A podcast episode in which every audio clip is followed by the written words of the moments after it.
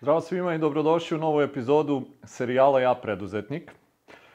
Jedna od stvari koju svi koji prate serijal verovatno nemaju uvid je i to koliko je nekad zahtevno dogovoriti razgovore sa našim gostima i gošćama.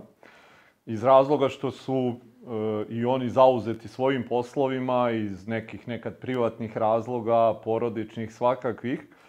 I za današnji razgovor otprilike meni i mojoj gošći je trebalo preko dve godine da dođemo do današnjeg dana.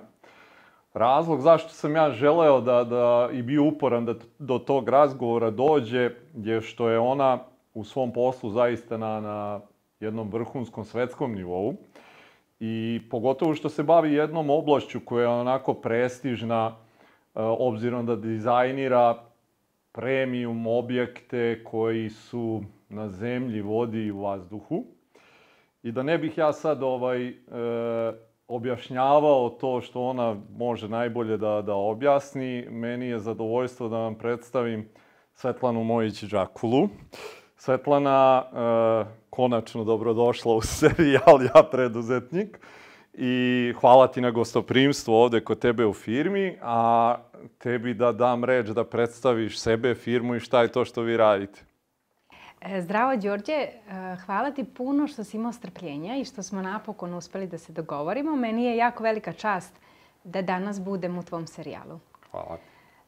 Ja sam uh, arhitekta iz Novog Sada. Pre uh, nešto skoro 10 godina sam otvorila studio za arhitekturu i dizajn pod nazivom Salt and Water ili ti so i voda koji pomaže svojim klijentima da stvore prostore po njihovim željama, potrebama i koji pričaju njihove priče. Kao što si ti rekao, bilo da su ti prostori na zemlji, na vodi ili u vazduhu. E, pritom, e, ti prostori naravno pre svega su funkcionalni, e, zatim e, sigurni i komfortni. -hmm. E sad, Ovaj, e, često me novinari pitaju kada, kada dajem neki intervju e, šta je to najluksuznije što ste pravili, misleći pre svega na, na dizajn interijera za jahte koji nam je možda onako najpoznatija niša kojom se bavimo, pogotovo na našim prostorima gde to nije uobičajeno. I ja ih e, svaki put potpuno razočaram zato što to što oni žele da čuje je nešto što ja ne mogu da im kažem, pre svega što moje njihovo mišljenje o tome šta je luksuz nije isto. E, po meni je luksuz prostor koji je u potpunosti e, podređen klijentovim potrebama i gde svaki deo napravljen i izrađen, promišljen i projektovan prema tome. E, što znači, mi na primjer smo imali mogućnost da e, kad smo dizajnirali interijer za, za mega jahtu e, koji sad završavamo od 49 metara, mi smo specijalno za taj projekat proizvodili tkaninu da bude dovoljno mekana, da ima odgovarajuću boju, ali da ima i sve potrebne sertifikate. Ili, na primjer, za hotel u Subotici koji smo pravili recep, recepciju za koju smo dizajnirali neki predprostor i lobi, e, smo e, specijalno sa fabrikom Žolnaj, koja je najpoznatija u svetu za svoj porcelan, e, proizvodili, dizajnirali pločice uh mhm. -huh. koje smo zajedno u saradnji s njima posle razvili kao dekorativni element i oni su specijalno za taj prostor to proizveli. Uh mhm. -huh. E, dotaćemo se svega toga, rekao sam već u najavi da, da te objekte koje vi dizajnirate su i na zemlji, i na vodi, i u vazduhu. Ali pre nego što dođemo do, do tog dela i dok e, ne dođemo do svih tih nekih i međunarodnih i nagrada i priznanja koje ste dobili za svoj rad, ono kako je nege tradicija u našem serijalu je da te ja vratim na neke tvoje početke pa da čujemo kako su oni izgledali, pa da polako krenemo ovamo ka današnjim danima. Ja sam novosađanka, kao što sam rekla, rođena ovde, završila osnovnu školu, gimnaziju i fakultet arhitekture u Novom Sadu. Ono što je jako odredilo uh, moj današnji uh, put i ono čime se bavi moj studio i moj tim zajedno sa mnom je sport kojim sam se bavila, a to je jedrenje. Provela sam preko deceniju u reprezentaciji našoj u, u jedrenju. I e, od kada sam počela, e, potpuno sam se zaljubila kako u sport, tako i uopšte koncept tog života gde vi provodite jako puno vremena e, na polju. Jedrenje je u stvari jedan fenomenalan sport koji e, nezasluženo nema dovoljno pažnje. Ja to objašnjavam zato što jeste skuplji sport kao prvo, a drugo jako je dosadan za posmatranje. Čak i nama koji se bavimo time. I uh, on je u stvari fenomenalan kada vi, kad ste vi na čamcu. Uh, obično jedrenje ljudi smatraju da je to uh, sport gde vi sedite i pijete, to je da nije ni sport, da je to način uh, slobodnog vremena gde vi sedite na jedrilici i ispijate neki koktel. U stvarnosti nama se dešavalo da je državno prvenstvo u uh, novembru početkom novembra uh, u Zemunu na Dunavu gde rastura ko, košava, uh, pada kiša svo vreme i mi smo tri dana na vodi po 8 sati. Znači, da bi se time bavili, stvarno morate to da volite. Uh, ja sam, znači, spojila sport kojim se bavim, u tom trenutku i fakultet, tako što sam dobila mogućnost na petoj godini fakulteta kao odabrani predmet e, projektovanja da izaberem oblast koju želim da proučavam. I to u stvari jedina bila mogućnost da nešto proaktivno radimo na fakultetu, gde sam ja počela da istražujem baš tu oblast koja spaja moje dve velike ljubavi i počela da se interesujem za dizajn jahti. Mm -hmm. U toku studija, igrom slučaja, kad nešto počnete raditi i počnete istražujete, onda vam se otvara veliki broj mogućnosti meni se potpuno e, slučajno otvorila mogućnost da preko jedne studentske organizacije odem u Švedsku na letnju školu dizajna jahti koju ja nisam znala u tom trenutku, ali to je najveći živi teoretičar za dizajn jahti. Po njegovoj knjizi se uči na svim fakultetima brodogradnje, Lars Larsson, i da tamo dobijem neke osnove. A onda e, sam uz pomoć pokojnog profesora Đure Kojića dobila mogućnost da radim i master rad baš projekat dizajna interijera eh, jedne mega jahte. Eh, ja nikad nisam bila neko ko želi da samo radi na najlakši način. I meni je bilo izuzetno bitno da prvo imam neko iskustvo. Tako da sam pred kraj studija u stvari uspela da izdejstvujem jednu praksu preko prijatelja sa jedrenja koji su brodinženjeri u studiju Herceg Novom e, studiju koju je u stvari naš čovek držao u, u Vancouveru, e, e, dizajnerski studio za jahte, a ovde mu je bila evropska ispostava i, da kažemo, jeftinija radna snaga. I ja tamo idem na tri meseca, selim se u Herceg Novi na praksu, ali već posle tri oni su mene primili za stalno i ja naredne dve godine ostajem tamo. I to je neki put gde sam ja u stvari dobila mogućnost da pre one velike svetske krize, u stvari tamo sam i bila, taj biro je bio otvoren dok, uh, dok kriza nije uzela maha, da, uh, da radim uh, to što volim i da u stvari nešto naučim o tom. Onda se posle toga zapošljam u, u Budvi, u, pošto u Budvi se još ništa o krizi ne zna, Eh, na Zavali gde se zidaju 43 ultraluksuzne vile između eh, Budve i Bečića. I to je bilo jedno fenomenalno iskustvo zato što na licu mesta vi projektujete, a, mi, mi u showroom, showroom jedna vila je bila završena, mi smo bili tu, a 42 druge vile sa 6 do 8 stanova se grade. I praktično to što napravite jedne nedelje, sledeće nedelje se izvodi.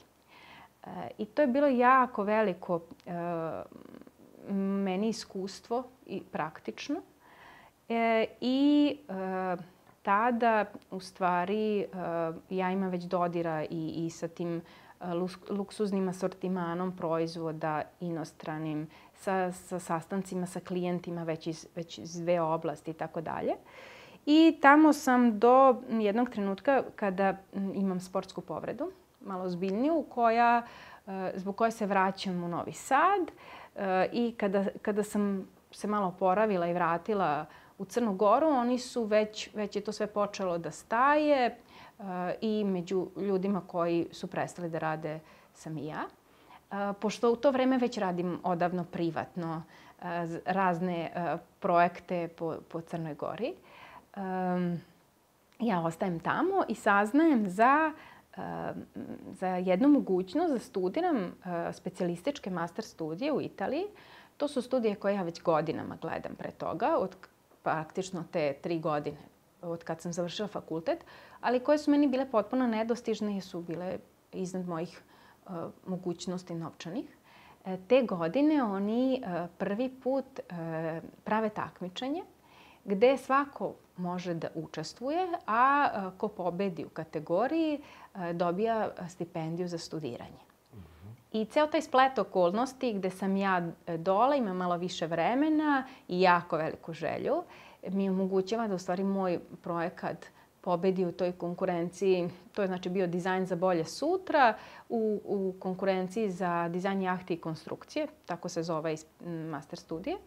I ovaj, ja dobijam e, tu e, stipendiju i posle toga se selim u Italiju na studiju. Samo studiranje u Italiji je nešto totalno drugačije od bilo čega dotle, zato što uh, nas ima osam na godini, svi profesori su u stvari stručnjaci, priznati svetski stručnjaci koji imaju svoje firme i koji to rade isključivo zato što vole, gde vi možete kontaktirate bilo kojeg profesora u toku, um, toku dana, pošaljite mu mail kad god on kad stigne odgovori, koje god pitanje, koje god tema I to je nešto gde ja u stvari shvatam da postoji potpuno drugačiji pristup i samom obrazovanju i, i, i nauci i praksi i tako dalje. I ovaj, eto, to je to. U suštini ja i dalje svo vreme radim uh, radim privatno sad i za te klijente iz naše bivše firme koje, pošto firme više nema, zovu mene direktno, a onda profesori sa fakulteta tog u Italiji počinju da me preporučuju dalje nekim svojim saradnicima i klijentima. Umeđu vremenu ja se izdržavam izradom suvenira koje u, prodajem u Veneciji i tako dalje.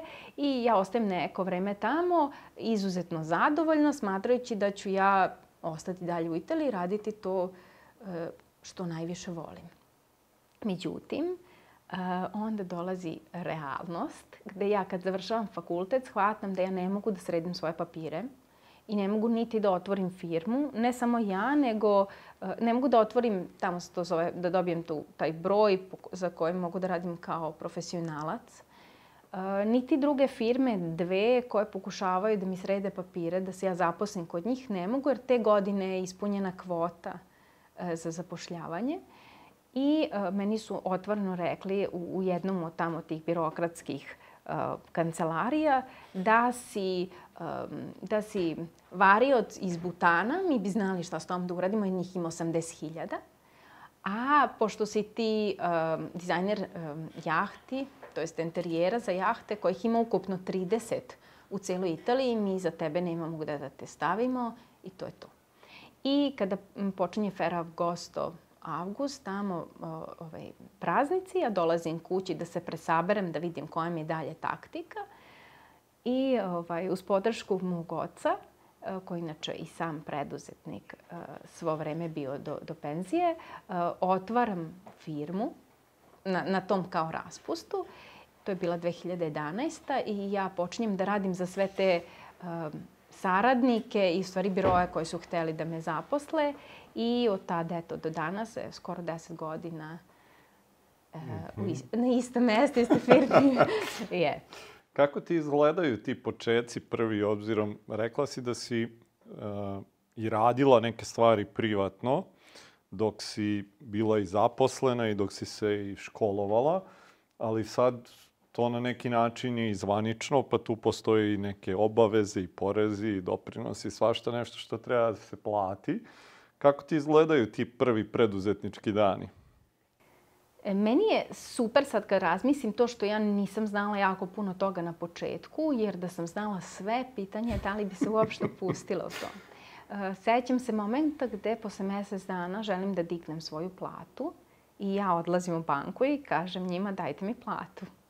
Žena kaže meni, dobro, a gde vam je ovaj, popunjena ovaj, papir priznanica, kao kakva priznanica, pa kolika vam je plata, pa kao treba da imam definis... Mislim, to je bio totalni haos na početku, ovaj, ali vremenom malo pomalo ulazim u materiju uh, i eto, korak po korak, uh, razne stvari ko, kojima se sad smejem, a koje su mi tad bile daleko od smejanja, uh, smo prošli i eto. Ko su ti prvi klijenti tad u, u tim trenucima? Jesu to neki e, kontakti koje si imala kroz e, posao koji si radila pre ili si se e, morala dodatno angažovati da dobiješ neke nove klijente? Prvih sigurno šest meseci, možda i duže, su sve klijente, to je sve ono preporuka. Mm -hmm. Pogotovo u ovoj industriji kojim, kojim se ja bavim, i jednom i drugom. Na kraju krajeva sve to manje više na preporuku. Uh, I ovaj, nekako su klijenti stalno nalazili mene do sada ili moj studio, kasnije moj tim. I to su bili kontakti od ranije firme, neka brodogradilišta, zatim profesori su mi jako puno pomogli preporukama ka drugim firmama, što u Italiji, što u Engleskoj. I ja počinjem da radim za jednu, drugu, treću to se nekako ovaj, tako nastavlja. Koliko dugo si sama tu? E, radila sam na početku sama. E, ne znam sad više koliko tačno dugo. Šta je meni bio problem? Meni je bio problem što ja vrlo često i putujem u te biroje, e, da tamo sa njima se i dogovaram i, i, i radim i koristim to naravno da kradem znanje, kako, mm -hmm. kako bi se to nazvalo, jer uh, pored tog samog posla što učim ili se usavršavam profesionalno, um, ja u stvari gledam, meni interesuje kako je njihova organizacija u firmi i kako njima idu procesi, ko šta odlučuje i tako dalje. I to iz prve ruke uh, vidim neke stvari koje me verovatno ne bi interesovala da nisam imala svoju firmu. E sad, pored tog stalnog putovanja i, i posete različitim boat showovima po Evropi, um, ja shvatam da imam previše posla da bi sama i radila i usavršavala mm -hmm. se i, i, i sklapala poslove i prvo zapošljam jednu osobu, uh, pa onda drugu i prvih par godina nas je bilo troje. Uh, prvo dvoje, pa troje i onda negde već 2000, recimo 16. ako se dobro sećam, već nas je petoro. Mm -hmm. To je jako velik skok sa, sa nas troje na, na pet osoba, meni bio lično za organizaciju. Uh, I, uh, I tako se onda nastavlja. I dan danas sad nas je, evo da kažem, šestoro trenutno, ali to pet, šest. Šta su tebi izazovi sad u tom trenutku kad, ok, sama si, radiš to što već i znaš da radiš i dugo se baviš tim, uh, i onda dolaze neki ljudi sa kojima treba da sarađuješ, koje treba da vodiš. Šta su ti izazovi u tim početcima vezano za, za taj deo? Um, I, ima jako puno stvari koje, uh, koje ja u stvari ne znam. Znači, od, uh, mene je stalno interesovala uh, struka, kao i puno ljudi koji otvaraju svoje firme, oni u mhm. stvari žele da se bave time što žele i što mhm. znaju. I tu se javljaju klasični problemi uh, uh, da što nemam uh, neku biznis podlogu i neko biznis znanje koje mi, bi mi omogućilo da to da u stvari ceo taj proces lakše savladam. Uh, tu se javljaju još neki problemi. Jedan od problema je uopšte problem shvatanja um, arhitekture u, uh, u Srbiji, u našem regionu, uh, gde prvo se ne pravi uh, dobra razlika između toga čime se mi bavimo. Znači, kod nas u engleskom to mnogo bolje postoji uh, uh, interior design i interior architecture, gde smo mi u stvari arhitekte unut, unutrašnjeg prostora i uh, jeste da mi na kraju biramo da li će zid biti siv ili žut zajedno sa klijentima. To je u stvari samo vrh ledenog brega koji mi radimo. Postoji toliko veliki proces koji i dan danas ja pokušavam da, uh, da edukujem naše klijente i opšte uh, šire stanovništvo. Prvo taj znači profesionalni deo i pre samog biznis dela koji je problematičan kod nas da, da mi moramo da razmislimo, na primer, um, evo, primer u, u retail sektoru. kada organizujemo neku prodavnicu, svaki detalj je bitno. Vi morate znate čoveka, ponašanje čoveka, pokrete, to gde ćete vi staviti korpe za radnju. Naprimer, ja kad dođem u meni najbližu radnju dole, oni imaju u nekom predprostoru korpe I vi ako ne uzmete odmah korpu i uđete unutra, desilo mi se, svakom se verovatno desilo, uzmete kao jedan pro, proizvod brzinski i želite drugi da uzmete i fali vam korpa, ali vi ne možete više po korpu da se vratite zbog, zbog ovaj, uh, senzora. Sad, da li ćete vi sve ostavljati, ulazi, prolaziti celu radnju i vraćati se ponovo, pa nećete. I uh, tu uh, vi u stvari ne ostavljate novce kao kupac ili bilo ko našim klijentima, u ovom slučaju ja ne ostavljam moje radnji pored, koji je samo jedan korak šta sve mora da se isplanira i, i, i pogleda pre samog vizualnog uređenja.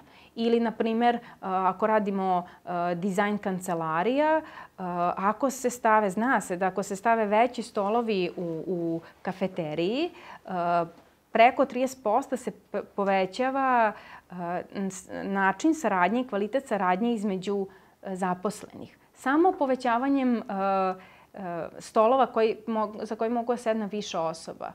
A to je pre bilo kakvog team buildinga i bilo čega. I to je neki naš posao koji nije prepoznat opšte ovde. I uh, jako veliki deo moje energije u stvari bilo da, da edukujem klijente šta mi sve njima možemo da pružimo. A onda uz to sam morala i, i ovaj biznis deo um, kako da organizujem procedure, kako da sve ne zavisi od mene, um, kako da uopšte bilo gde pristupimo tržištu i to što mi radimo prezentujemo. Um, na koji način da pravimo minutes of meetings, pogotovo, znate, uh, mi sad imamo mnogo više usluga nego na početku, znači mi radimo projektovanje, Uh, međutim, prvo to su mnogo kompleksni sada objekti, dosta toga u retail sektoru i i u, u office design kao uređenje kancelarija, uh, gde uh, projekat traje neka dve do tri godine i naravno da se ljudi ne seću šta je bilo na kom sastanku. Mm -hmm. A kod nas dosta majstora i dalje, iako su fenomenalni majstori, ne čitaju projekte.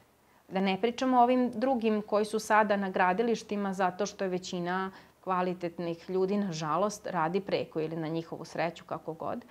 I vi morate tu da razvijete jedan sistem rada koji će i oni prihvatiti, a gde neće biti posle za godinu dana kazao si mi, kazala si mi. A da sve to opet uradite tako da ne opterećujete klijente i da radite taj biznis deo perfektno, da to samo klizi i da, da onda ako se bilo šta postavi kao pitanje, sve se zna, sve je bilo gde zapisano. Mm -hmm. Kad govoriš o tom sistemu, ovaj, e, jesi tu lekciju naučila na teži način, uh, udarajući glavom od zid, ili si došla do nje na lakši preko nečijih iskustava? Ja sam tu lekciju uh, savladala na najteži mogući način. Uh, I to je, le, uh, to je, da kažem, teška lekcija, a opet sreće da sam imala tu mogućnost da to sagledam koliko toliko dok uh, projekti nisu bili prekomplikovani i dok firma nije E, bila jako velika. Šta se desilo? 2017. E, ja idem na, mm, na prvo, e, kako se to zove, porođeno, porodilsko, porodilsko odsustvo. Da. Gde e, u mojoj glavi, oni koji su meni definisali termin, to je termin za porođaj, e, imamo kolektivni godišnji dok ja odem da se porodim i taman dve nedelje i posle toga sa svakim sam sela popričala u firmi šta se dalje radi. Naravno, uzimala jako puno posla da, bi, da ne bi se brinulo o tome šta će zaposleni raditi i otišla na porodiljsko, gde se uopšte ne porađam u tom terminu već kad firma već počinje ponovo da radi. Pritom imam ekstremno težak porođaj, gde ja mesec dana posle toga ne mogu svoju bebu da dignem, a ne da bilo šta radim za firmu, ozbiljno. A dešava mi se to da e, pre toga, e, naravno, sve odluke, ok, radi se u birovu, ali sve odluke na kraju zavise od mene. I ja sam uvek tu, ja sve mogu i u mojoj glavi to će biti tako i kad se porodim, što nema veze sa realnošću, jer više vaše vreme nije vaše. I e, dešava se to da e, prvo mi se e, jedna zaposlena javlja da ona ne želi više se bavi arhitekturom, da će ostati tu do, do kraja ugovora, ali da neće više produžuje. I stvarno, što se tiče toga je ispoštovala, ok, to, to je neki ipak vremenski rok. Da bi onda e, odmah posle mog uh, porođa mi dobili neki projekat koji se već uh, neko vreme o tome pričalo, ali za nas kao biro je jako velik iz više razloga. To je uh, projektovanje uh, interijera jedne IT firme u Švajcarskoj od 1000 kvadrata za švajcarce i e, ne samo to, nego i proizvodnja ukupno svega što može da se proizvede u Srbiji, izveze tamo i ugradi. Znači tu nema mesta za greške, tu potrebna potpuna logistika, nabavka materijala koji ne može u Srbiji da se nabavi ceo i tako dalje. I e, kada e, moji, e, moji zaposleni sad idu tamo da, da obiđu taj e, teren, tu firmu, pošto mi imamo neki, celu proceduru, idemo, posmatramo njihov trenutni prostor, radimo intervjue, novi prostor i tako dalje. E, kada oni dolaze, ja silazim prvi put iz stana do obližnjeg kafića u mojoj ulici, da tamo im dam dnevnice. I ovaj, e, osoba koja je najduža kod mene u firmi mi daje otkaz. E, bez želje za većom platom ili bilo čemu drugom, nego za željom za slobodnim vremenom. Kako god, u tom trenutku to je potpuno neočekivani šok za mene, pošto smo mi pre mesec dana sedeli zajedno i pričali na tu temu, nije bilo takvih momenta i tako dalje.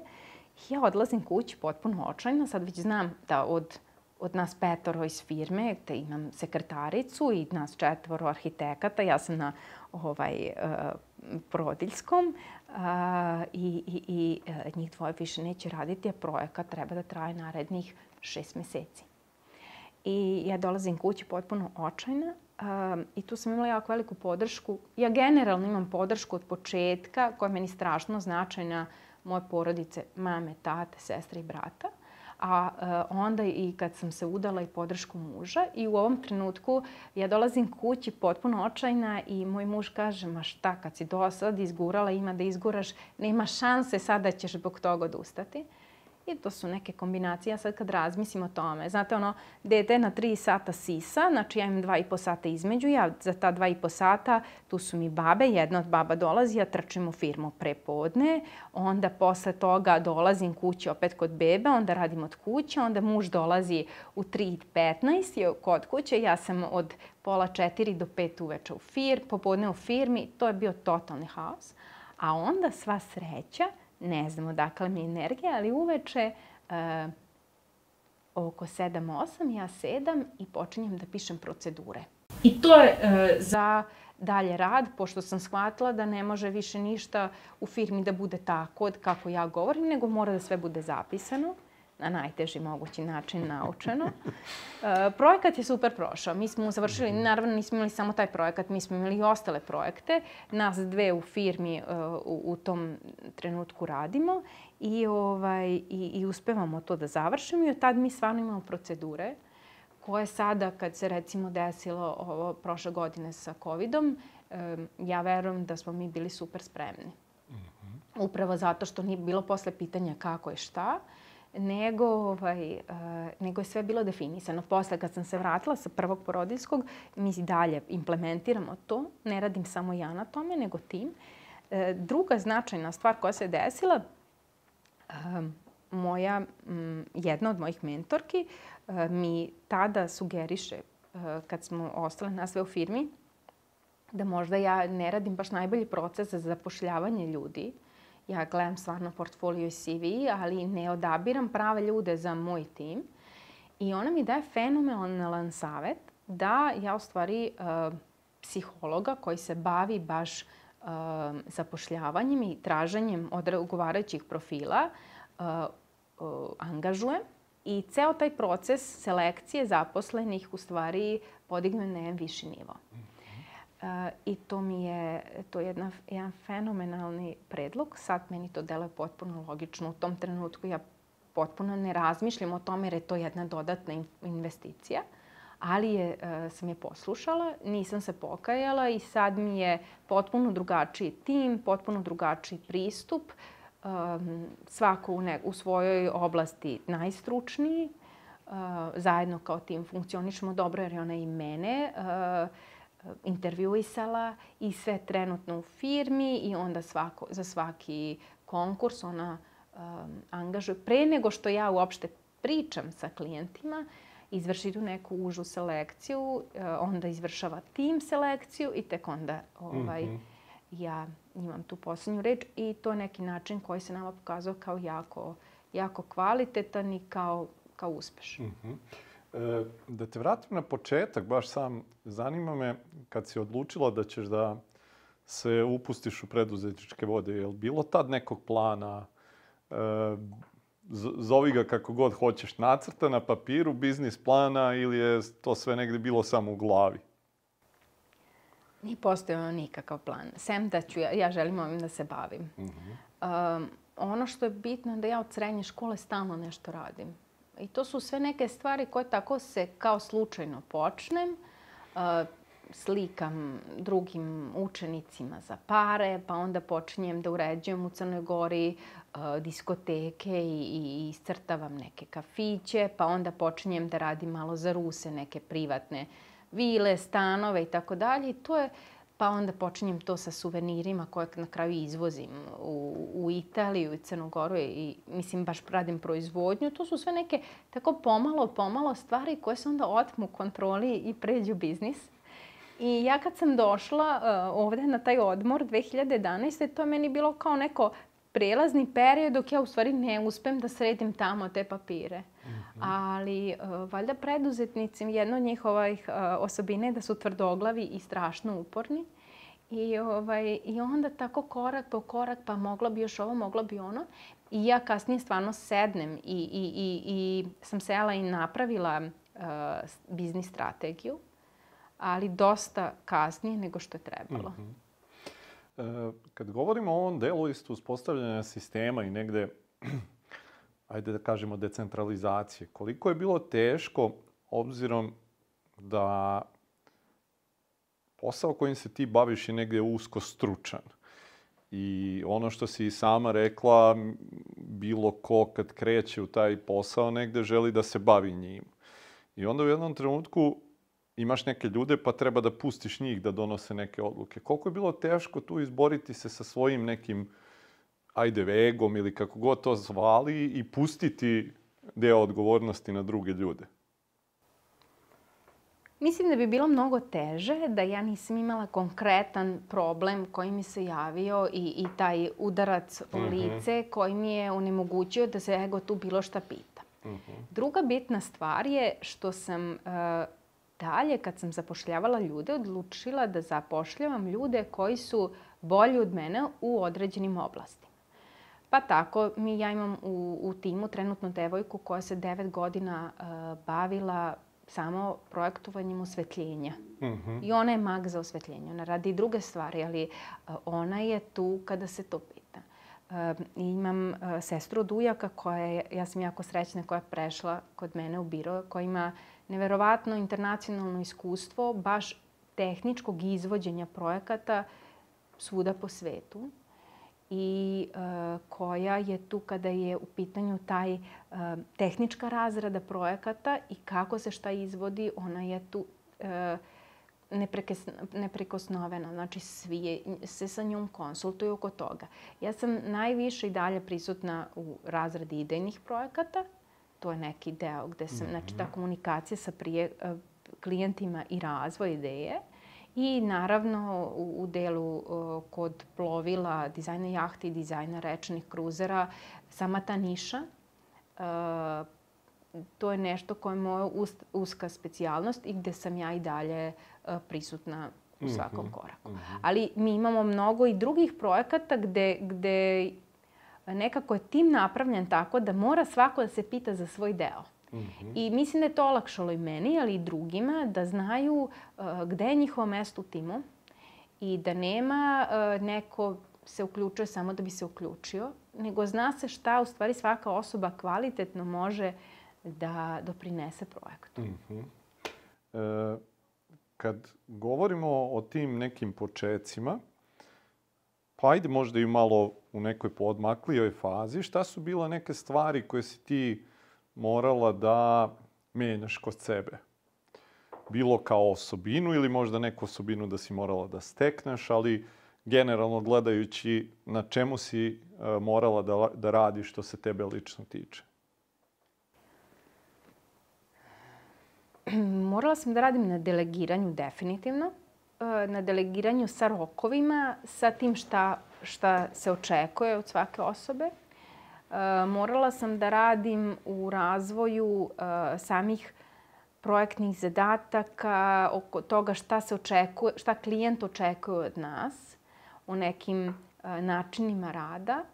E, morala sam da naučim da kažem ne e, za projekte koji možda deluju izazovno, ali već u, u startu ja znam da, da su oni osuđeni na propa zato što rokovi, očekivanja i budžet potpuno nemaju veze jedno sa drugima i e, takve projekte mi ne, ne prihvatamo, projekte za juče ili projekte e, gde neko bilo mi jako bitno da naučim da prepoznam da li ljudi samo nas gledaju kao crtače svojih ideja ili oni stvarno žele nas da unajme zbog naše stručnosti. Šta je još bilo bitno? Kreativnim uh, profesijama, koliko sam ja upoznata kod nas, vrlo malo ljudi stvarno vodi evidenciju oko toga na čega troše vreme i kako.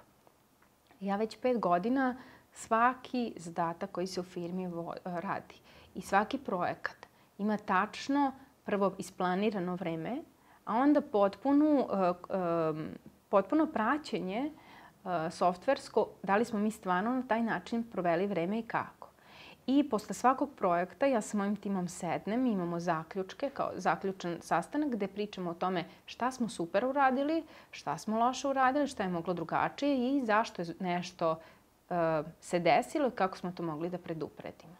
Taj deo da ipak nađem vreme da mi napravimo to, a uvek ima novi projekat i uvek ima novi moment za, za koji je sad baš bitan. Da za to i da, da ekipa cela shvati da je to jako bitno, to je bilo neki ključni koraci koji su nam u stvari um, pomogli da se, da se ovaj odvojimo.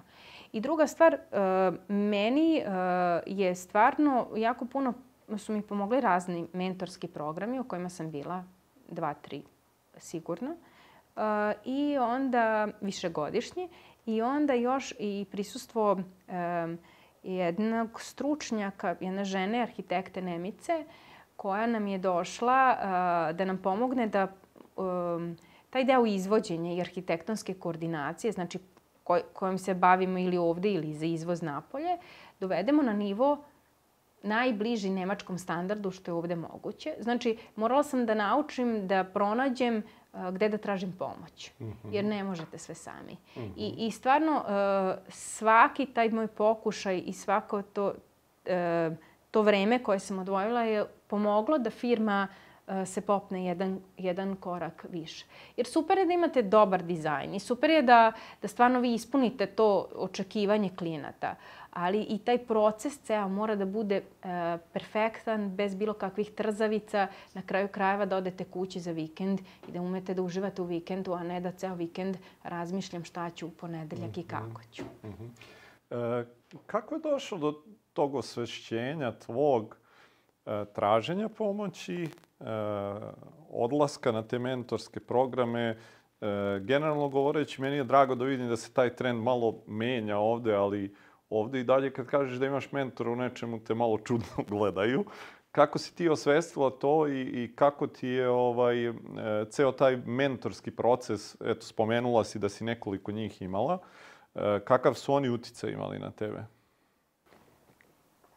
Ja sam u mentorski program ušla tako što sam uh, sasvim slučajno postala član uh, Udruženja poslovnih žena Srbije. I to je recimo moja greška, nisam počela, nisam im se javila ranije jer sam ja u glavi očekivala da je to udruženje za stvarno uspešne preduzetnice sa jako puno godina iskustva i da ja posle dve godine rada nisam, nisam u mogućnosti da ovaj, ne nisam u mogućnosti, nego nisam još na nivou da budem njihov član. Uh -huh. Um, I i ko sa udruženjem mi se desilo jako puno lepih stvari. Prvo upoznala sam fenomenalne žene koje su prolazile kroz iste probleme i mogle su na licu mesta da mi daju korisne savete. Uh, onda su me uopšte uputile u proces mentorstva. Uh, imala sam prvo mentorku uh, iz samog udruženja koja mi je otvorila oči u mnogo toga. A zatim me i uputile na neke inostrane mentorske programe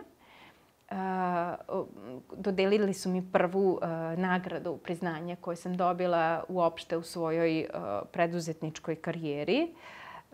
I, I mislim da u stvari prvi taj korak učlanjenja u udruženje, posle sam i, i bila u osnivanju udruženja mladih privrednika Srbije, jedan od osnivača i tako par nekih drugih srpskoj asocijaciji menadžera. I sad E, sad tu su razne udruženja, ali svako to udruženje ima svoj neki kvalitet i definitivno ti ljudi koji, koje vi poštujete, kad vam neko od njih e, saopšti e, da je mentorstvo ili konsultant neš, nešto pametno, vi onda ne, nemate samo svoje ubeđenje, nego već imate konkretnu preporuku osobe koju poštujete i verujete.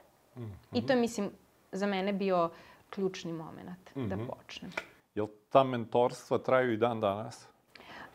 pa više zvanično ne, ali ovaj, um, na primer, uh, Biljana Jovanović koja je vlasnica modne kuće Luna, uh -huh. uh, ja njoj i dalje kad imam neki problem ili nedoumicu pozovem da pitam šta ona misli o tome. Uh -huh. I vrlo često mi daje uh, fenomenalan savet. Uh -huh. e, spomenula si eto tu, e, kako si rekla, negde prvu svoju preduzetničku nagradu koju si dobila od Udruženja poslovnih žena Srbije. Uh, došla je i nagrada, je li tako, ovaj, za preduzetnički startup vođen od strane jedne dame na, na teritoriji Balkana. Pa je tu bilo još nekih nagrada onako koje su zaista značajne i Red Dot za jedan proizvod i e, da, ono što je meni bilo onako jako fascinantno, mislim, pored svega ostalog, e, nagrade koje si dobijala i za te plovne objekte i jahte, e, nagrada koju si dobila za dizajn interijera Boeinga 7... 787 ili tako nešto.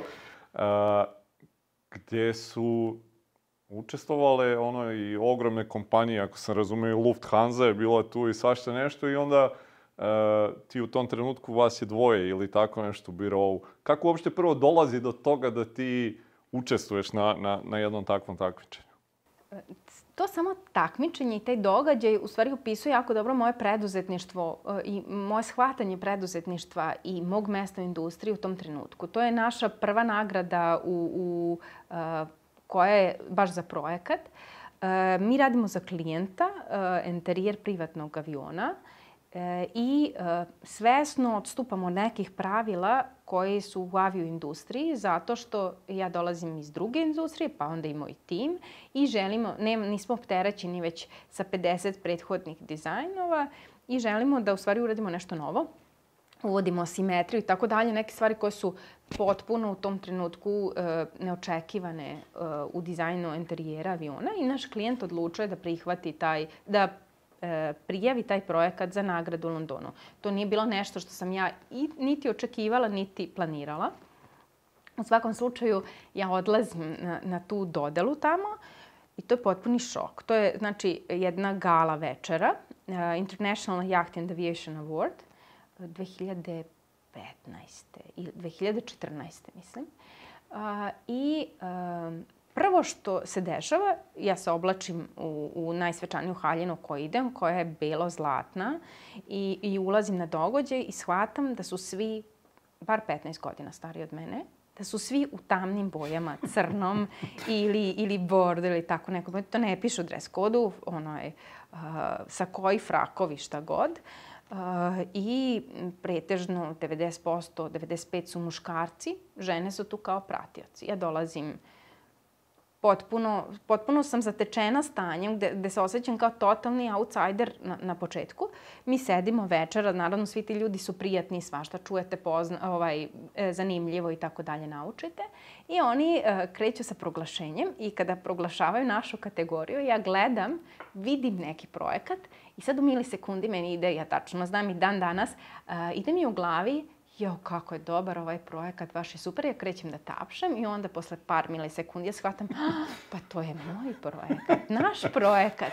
I onda ustajem potpuno, potpuno neočekivano i tako, tako ovaj, dobijemo tu prvu nagradu koja u stvari priznanje da eto ima mesta e, za nas u industriji i to je neka moja poruka i drugima koji e, počinju u stvari to što ste vi različiti i što ne ulazite u standarde industrije. Ne mora da znači da je to vaš minus, To je u mom slučaju bila prednost. I u tom projektu i sledeće godine smo dobili Millennium Yacht Design Award za projekat plutajućeg hotela sa katamaranima, apartmanima, koji isto bio totalno drugačiji od, od svega što se ti godina dešavalo na, na sceni, a to je nešto, znači to je najprestižnija nagrada za mlade stručnjake, mlade dizajnere jahte gde opet tako se pojavljujem uh, kao jedina ženska osoba koja uopšte dolazi tamo. To je sve, pretežno su italijani uh, i tako. To, tu, tu su sad već postoje različite ustaljene shvatanja kako, kako neko u toj industriji uh, treba da bude, kao naravno i u nekim drugim industrijama, a naprotiv, ja mislim da smo mi pokazali, pogotovo što je u mom timu jedno duže vreme su bile samo žene, pokazali da je to potpuno nebitno, da je bitno kako vi shvatate i kako pristupate projektu, jer na kraju krajeva ovo čime se mi radimo je strašno bitno, zato što ljudi provode 92% svog života ili u prevozu ili u, u nekim prostorima i vi uh, a prostori deluju, utiču i na kvalitet života i na zdravlje, to je dokazano danas i vi u stvari utičete na život tih ljudi koji, mm -hmm. koji provode to vreme. I ako pristupite kako treba, nije više bitno koliko ste vi u kalupu ili niste. Mm -hmm. e, reci mi, kad gledaš sad ovako unazad, e, je li bilo strah u bilo kojim fazama i zbog bilo čega? Da si bila uplašena, šta god da je to nešto bilo? E, bilo je, dok nismo definisali sve procese, bilo je trenutaka kada uh, sam se ja nervirala zašto to nismo recimo zapisali. Nešto što nam je neko rekao da imamo zapisano i više je to bila neka ljutnja na sebe. Uh -huh. Uh, I, na primer, uh, sada kad je počela korona, uh, kada sam ja imala drugu bebu od mesec dana, je bilo ne plašenje da li će firma opstati, nego vi u trenutku shvatate niste više samo vi, nego, a pritom je moja firma mala firma, eh, tu i ostali ljudi zavise od toga da li će firma opstati. I to je, što se tiče projekata samog, ja više mislim da je to neko, neko pozitivno iščekivanje šta će se dalje mhm. desiti i uzbuđenja sa većim projektima. Što se tiče samog plašanja, ne, ne mogu da mhm. kažem. A ta neka sumnja u sebe i možda trenutak da pomisliš odustaću? Nikad nisam pomislila da ću odustati. Ni u jednom trenutku. Uh, mislim da jako puno uh, ono što donosite iz porodice, kako ste odgajani, i ako ste odgajani, ako neko može, možeš ti. Uh -huh. uh, da je to nešto što, što vas posle ceo život prati i um, nije bilo tih momenta. Koliko ti je sport e, značio za, za preduzetništvo? Jako puno, pošto e, prvo s tom opremom s kojom smo mi se takmičili na nekim evropskim takmičenjima i tako dalje, e, ti znaš da nemaš vrhunske stvari, ali znaš da sve, jedino što možeš da uradiš je da daš svoj maksimum. To je bio prvi moment gde u stvari shvataš da jedino što je bitno je da daješ u svakom trenutku svoj maksimum. I druga stvar, e, jedranje je fenomenalno za učenje u preduzetništvu zato što se tamo svi uslovi stalno menjaju. Znate, e, vi ste na vodi i vi ne možete samo da jedrite, morate da budete u vrhunskoj uh, sportskoj formi, fizičkoj i mentalnoj. Ali ovaj, vi morate da gledate gde je konkurencija, gde vetar sad jače duva i da li se taj reful okreće, gde je oblak, tu će biti verovatno bolji vetar i kada ćete da se okrenete, sad da ne koristim stručne izraze, i ovaj, I to sad tako tri sata po suncu ili po kiši, to nema, nema sad da prekinete. I onda završite tu trku i onda je sledeća trka. Nije, bitno, nije dovoljno biti u jednoj dobar. Morate svih tih osam ili devet u ta tri, četiri dana da budete u svakoj da date svoj maksimum i, i, i ako nešto pogrešite, odmah je tu ponovo mesto za popravljanje. Mislim, to je jako puno značilo. Mislim da to uopšte uticalo na to kako ja gledam na bilo šta. Mm -hmm. Koliko danas vremena imaš za jedrenje u bilo kom obliku? Ja sam uh, posle bavljenja, znači posle izlaska iz reprezentacije i te sportske povrede, više nisam vozila olimpijske klase, um, ali jesam vozila različite uh, klase većih jedrenjaka, većih jedrilica, to je sad ono, obilasci po ostravima i tako dalje, pretežno na Jadranu. I uh, ja sam položila za uh, sudiju, pa sam uh, učestvovala i kao sudija i na nekim domaćim, ali i na internacionalnim uh, regati. Imala sam čak čast na više svetskih prvenstava da, da budem jedan od sudija. E, mene to smiruje, pogotovo na početku kad sam stalno bila okružena poslom, e, mobilnim telefonom i ostalom. Ja izađem na vodu i taj efekat uh, blue water, uh, plave vode, ne znam kako bi se to prevelo na srpsko, na mentalno i fizičko zdravlje i napuštanje, to je nešto što je meni bilo uh, spas i Dok god nisam dobila decu, sam jako često putovala. Ja se nadam već što pre uh, ćemo svi zajedno ovaj, ponovo početi. Kad govoriš o tom odvajanju od posla, smirenju, koliko ima pritiska koji osjećaš, uh, bilo da je to vezano, eto sad si rekla, uh, za ljude koji imaš gde negde osjećaš odgovornost za njih, koliko je pritiska koji dolazi, recimo, obzirom da projekte koji radiš imaju ogromnu vrednost, da moraju da budu završeni u određenom roku. Koliko ima tog pritiska koji osjećaš i kako se ono nosiš sa njim? Ok, rekla si nam da je ovo jedan deo koji te smiruje. Kako to izgleda ono negde ako sagledaš celokupnu sliku? Tvoja borba sa tim pritiskom, kakav god on bio i odakle god on dolazio? Mislim da je jako bitno uh, kakav tim ljudi imate oko sebe. I to nije prazna rečenica, nego stvarno ako znate koliko su oni kvalitetni, koliko se oni žrtvuju u projektu, uh, vi ne morate da brinete za njihov deo posla. Naravno, ako se bilo koji problem javi, um, tu sam ja da zajedno rešavamo, ali dok se problem ne javi, ne vredi se brinuti o njemu kad ne postoji. Eh, ono što može se predupredi, predupredimo, a verovatno zato što od početka radimo u, u luksuznom sektoru, um, taj deo koliko je vrednost nekog projekta nekako od početka je prisutna i onda nemamo taj osjećaj. E, kad već pominješ tim, rekla si u početku da si ti radila te razgovore, pa da si onda u jednom trenutku angažovala osobu koja na neki način vrši selekciju. Šta je možda lekcija koju si izvukla, recimo, gde je bila greška tog dela u kome si se ti bavila, jesi li možda izvukla neku pouku odatle? I zanima me sad kad pogledaš svoj tim, šta smatraš možda da su neke ključne karakteristike tih ljudi zbog čega ste vi kao tim dobri? I zašto ti možeš da se osloniš na njih i da sarađuješ sa njima? Verujem da zajedno dobro sarađujemo zato što imamo iste životne vrednosti. I uh, radili smo nekih više uh, zajedno uh, zadataka, testova, tako kako bih rekla, nekih različitih stvari, gde se u stvari, uh, ja sam shvatila da mi kao, kao uh, ljudi imamo sličan pogled na svet u smislu šta cenimo kod ljudi i šta cenimo kod sebe i koje su nam životne, glavne životne vrednosti, da tako kažem. Mm -hmm. um, ono što je naravno zaključak je da um, i, iako ste mali preduzetnik, postoje stvari koje nisu izdaci, nego uh, gde drugi ljudi bolje, uh, bolje imaju to znanje kao što ja imam znanje u svojoj struci, tako drugi uh, ljudi imaju znanje u svojoj struci.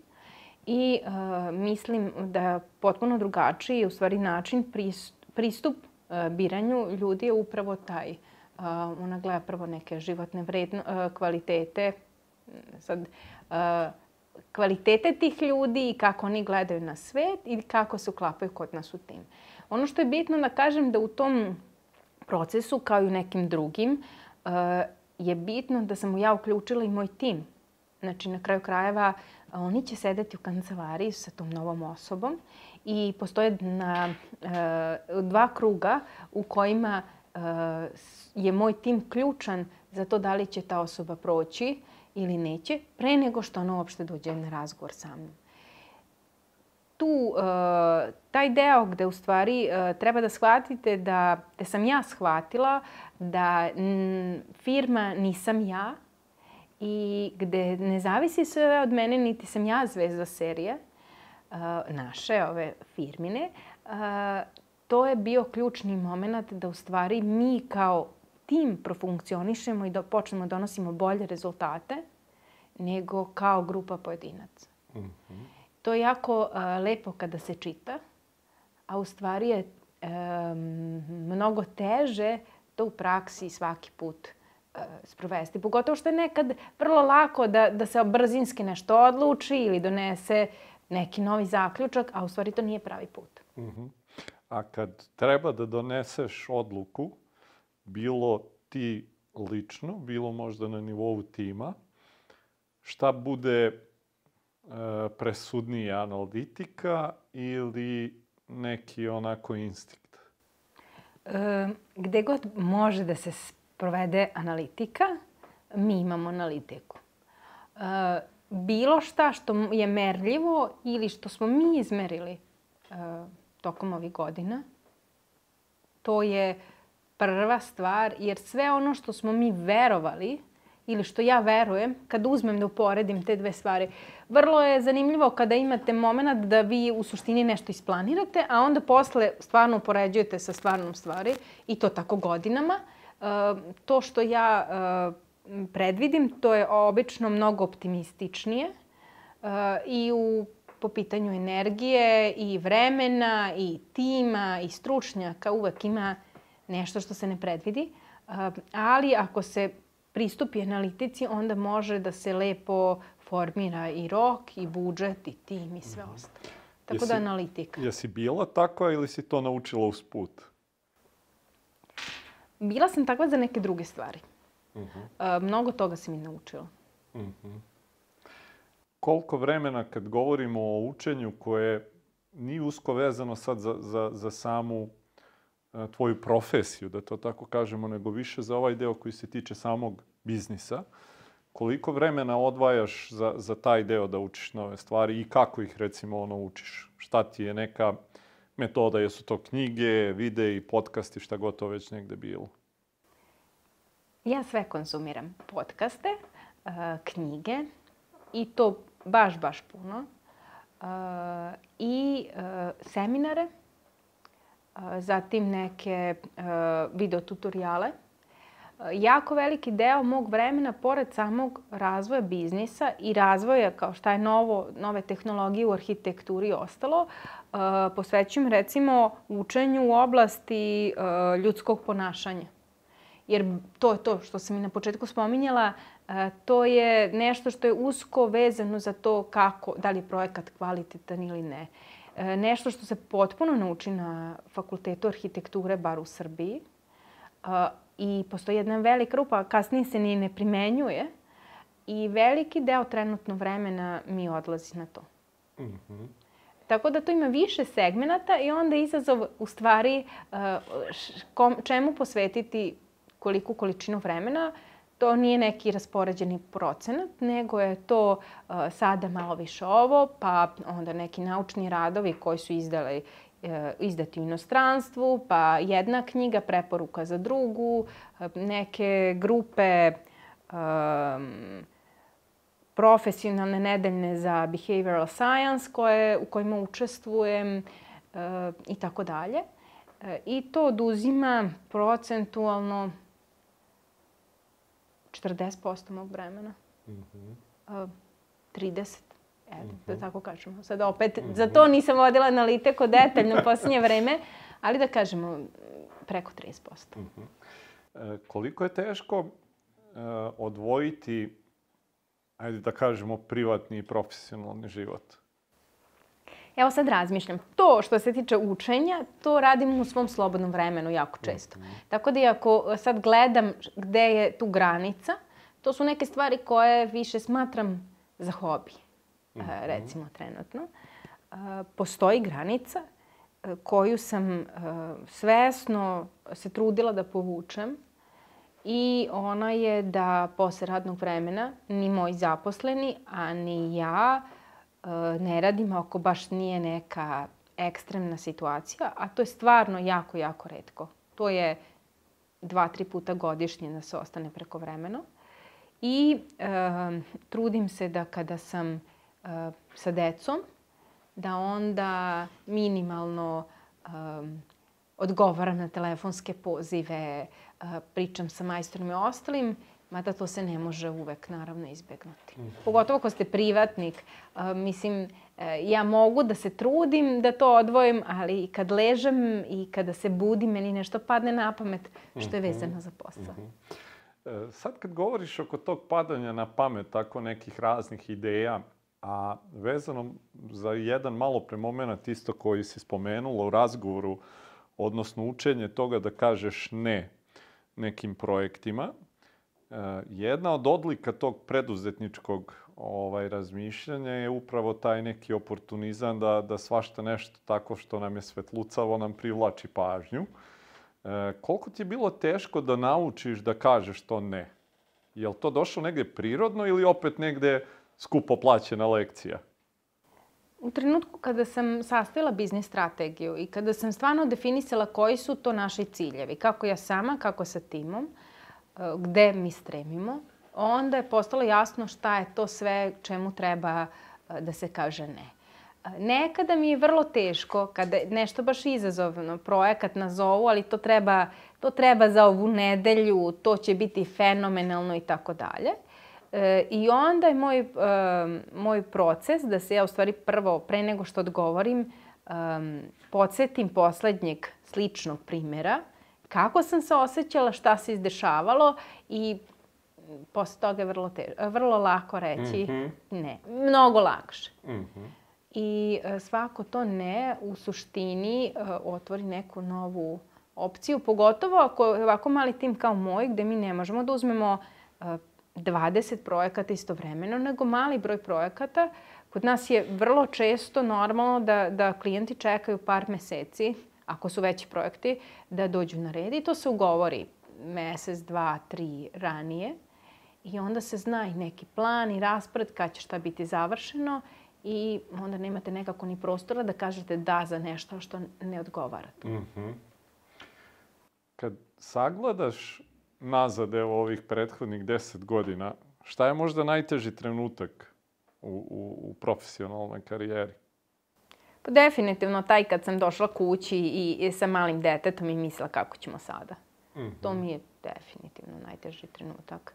Uh, prvi posle ovog uh, kako ćemo sada za vreme korone, gde, gde sedite s malim detetom zavezanim i, i kuckate, ali taj već nije bio toliki, pogotovo što sam imala veru uh, da će sve dobro proći zbog prethodne situacije. Mm -hmm.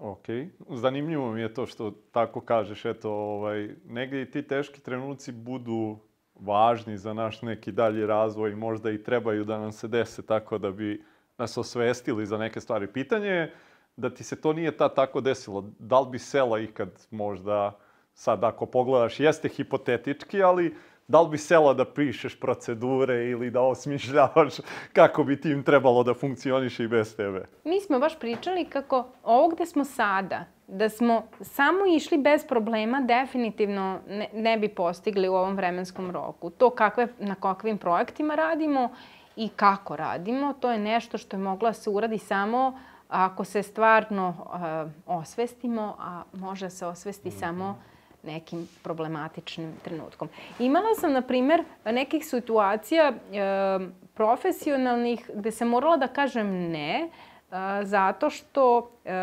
zbog mojih e, privatnih izbora. Znači, u 2019. je bilo e, više situacija u kojima sam trebala držim predavanja na nekim inostranim simpozijuma, simpozijumima i, i konferencijama koje su bile fenomenalne i kojima sam ja očekivala par godina priželjkivala da uzmem učešće, ali u tom trenutku je meni uh, majčinstvo bilo bitnije i moja trudnoća i vi tu, to je vrlo teško uh, prihvatiti da ne možete sve. Mm -hmm. ali znate koji vam je prioritet. Mm -hmm. I to je neka situacija u kojoj uh, m, se moje muške kolege često ne nađu, ali uh, ne treba, ne treba da, da spreče, već samo je odloženo za neki mm -hmm. sledeći trenutak. Koliko je teško kad dobiješ sva ta neka međunarodna priznanja, kad dobiješ eto, a, mogućnost da govoriš na tako nekim značajnim simpozijumima i svašta još nešto što ide uz to, koliko je teško ostati na zemlji? Kako ti ne daš sebi da poletiš previše? Meni je uživanje da, da projektujem. Um, možete vi da budete na različitim mestima, jedan od govornika ili e, budete glavni govornik, nebitno. Um, ono što je u stvari bitno je šta ste vi to učinili da nekom drugom uh, popravite ili kvalitet života ili njegov poslovni put ili bilo šta slično. I to je ono što vas drži u profesiji i šta je u stvari bit toga što ja radim. Um, ljudi koji se bave ovom profesijom ne gledaju to kao luksuz ili kao nešto posebno, već idete korak po korak i um, u stvari svakodnevne stvari su one koje, koje su bitne. Mm -hmm. Dobro. Ako sad ova neka iskustva koja si ti stekla u prethodnih deset godina treba da pretočiš možda u par saveta za one koji kreću ili su tek krenuli, šta je to što bi im rekla? Rekla bih, rekla bi im da, da počnu, da se ne brinu kako će uraditi nešto. Ove sve savete što sam usput rekla, šta se meni izdešavalo i u što ja verujem, mislim, to je definitivno nešto što, što bi rekla svima. Znači, da počnu što pre da se obrazuju u oblasti biznisa, da im nije žao da ulože pare u razvoj svoga biznisa da sve prate i da nauče da delegiraju, a kao kruna svega definitivno da to što je neko iz Srbije ili što ne ulazi u kalup svoje industrije e, nije e, problem, iako tako deluje, nego nešto što može samo da doprinese ako se na pravi način sagleda. Mm -hmm. Kad već govoriš o tom kalupu Srbije, Jesi e, imala problem e, ikada, obzirom da, ono, već smo spomenuli da su projekti na kojima radiš jako velike vrednosti i tim ljudima koji e, trebaju tu vrstu usluge, mogu angažovati bilo koga gde u svetu, verovatno da to negde radi. Jel bilo možda nekada si osetila da neko nije baš toliko voljan da te angažuje jer dolaziš iz zemlje koja baš i nije poznata po, po tako nečemu? Meni je prvo što ljudi pitaju kako bi se neko jedrenjem bavio u zemlji koja nema more. A onda ja objašnjam kako sam ja jedrila za tri reprezentacije, e, kako se to izmenjalo, mi smo imali more i tako dalje. Onda je druga priča, pogotovo recimo za američko tržište, svi su oni bili u Dubrovniku u nekom trenutku, to je njima fenomenalno, oni to već prebace, da mi više nije jasna baš potpuno geografija. Um, I ima tih nekih momenta, međutim, uh, ono što govori za nas je naš portfolio, naši raniji mm -hmm. projekti i to što mi najviše radimo na preporuku. Mm -hmm. a, a kada dobijete preporuku a, osobe koja se poštuje, tu više nema mesta za sumnju. Mm -hmm. Mislim da a, često čak i ljudi odavde misle da će imati a, problem, preplašeni su. Ja sam imala u, u obliku nedobijanja papira i nemogućnosti zaposlenja, Međutim, za to se sve nađe, nađe način. Mm -hmm. Još jedna stvar koja mi malo pre onako ovaj, e, zapala za, za uho, e, kad si rekla da si išla na dodelu te nagrade, 90-95% je bilo muškaraca, je li tako? Je li bilo izazovno izboriti se za svoje mesto u svetu koje, opet na osnovu sad toga što si mi rekla, je uglavnom negde muški, da to tako nazovemo? Samo jedrenje kao sport je pretežno muški sport. Sad više ne, ali jako dugo je bilo. Um, ja ne gledam to kao... možda sam navikla zato što je od početka tako. Uh, ono što, ali naučena sam da je to potpuno nebitno. Uh, da li ste muško ili žensko da bi bili u nečemu kvalitetni. Ono što definitivno je da ja verujem da mi dalje imamo jako puno prostora i u ovoj industriji i kod nas u samoj oblasti arhitekture da napredujemo i da tu još ima puno, puno toga se radi do vrha, ako vrh postoji, ali ovaj, da, da se stvarno uzme neki ozbiljniji deo uh, industrije. Znači, to, to je već toliko velika industrija, svaka od njih pona osob, da mislim da ima mesta za sve koji kvalitetno rade. I, I da iz tog razloga onda nema ni potrebe da se ljudi međusobno takmiče. Mislim da bi nam svima bilo mnogo lakše, recimo, u arhitekturi u Srbiji da nam je e, komora jača, to jest da postoji, ne, ne mora bude komora, ali neka organizacija koja nas drži na okupu i kao na primjer u Nemačkoj da vi imate neki standard cene ispod koje ne sme da se ide. I onda e, vi znate i kako se radi, koji su to koraci.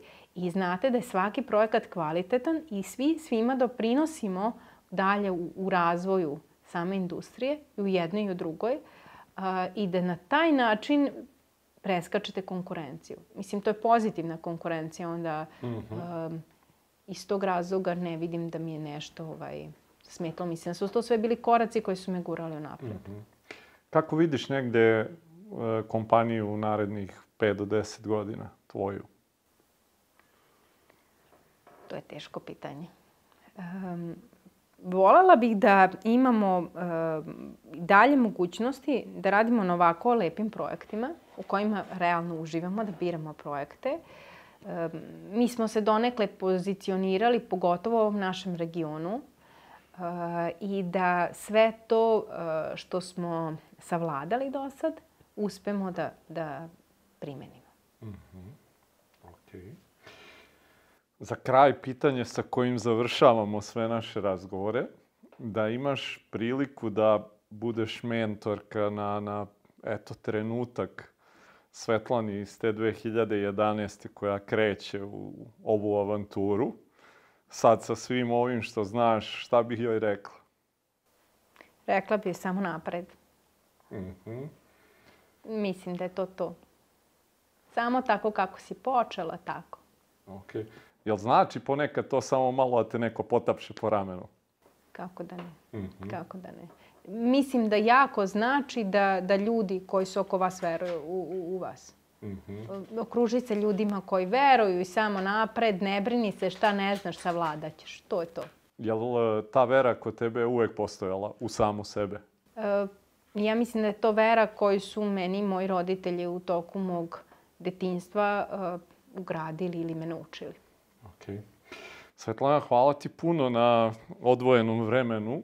Hvala tebi. E, jesmo čekali dugo na ovaj razgovor, ali mi je drago da smo uspeli na kraju da se organizujemo i drago mi je što će naši e, gledaoci i slušaoci imati prilike da, da e, čuju prvo jednu sjajnu priču, drugo da možda i približimo e, sve to što vi radite. Meni je stvarno nekad zadovoljstvo što imamo priliku da neke kompanije koje rade sjajne stvari na jednom vrhunskom svetskom nivou predstavimo, za koje mnogi kod nas ovde u zemlji nisu ni čuli, pa da im damo eto još jedan razlog da budu na ponosni e, na to odakle dolaze i kakve sve ovaj ljude imamo. Hvala ti. Hvala i vama što ste ponovo bili sa nama. Vidimo se sledeće nedelje. Prijatno.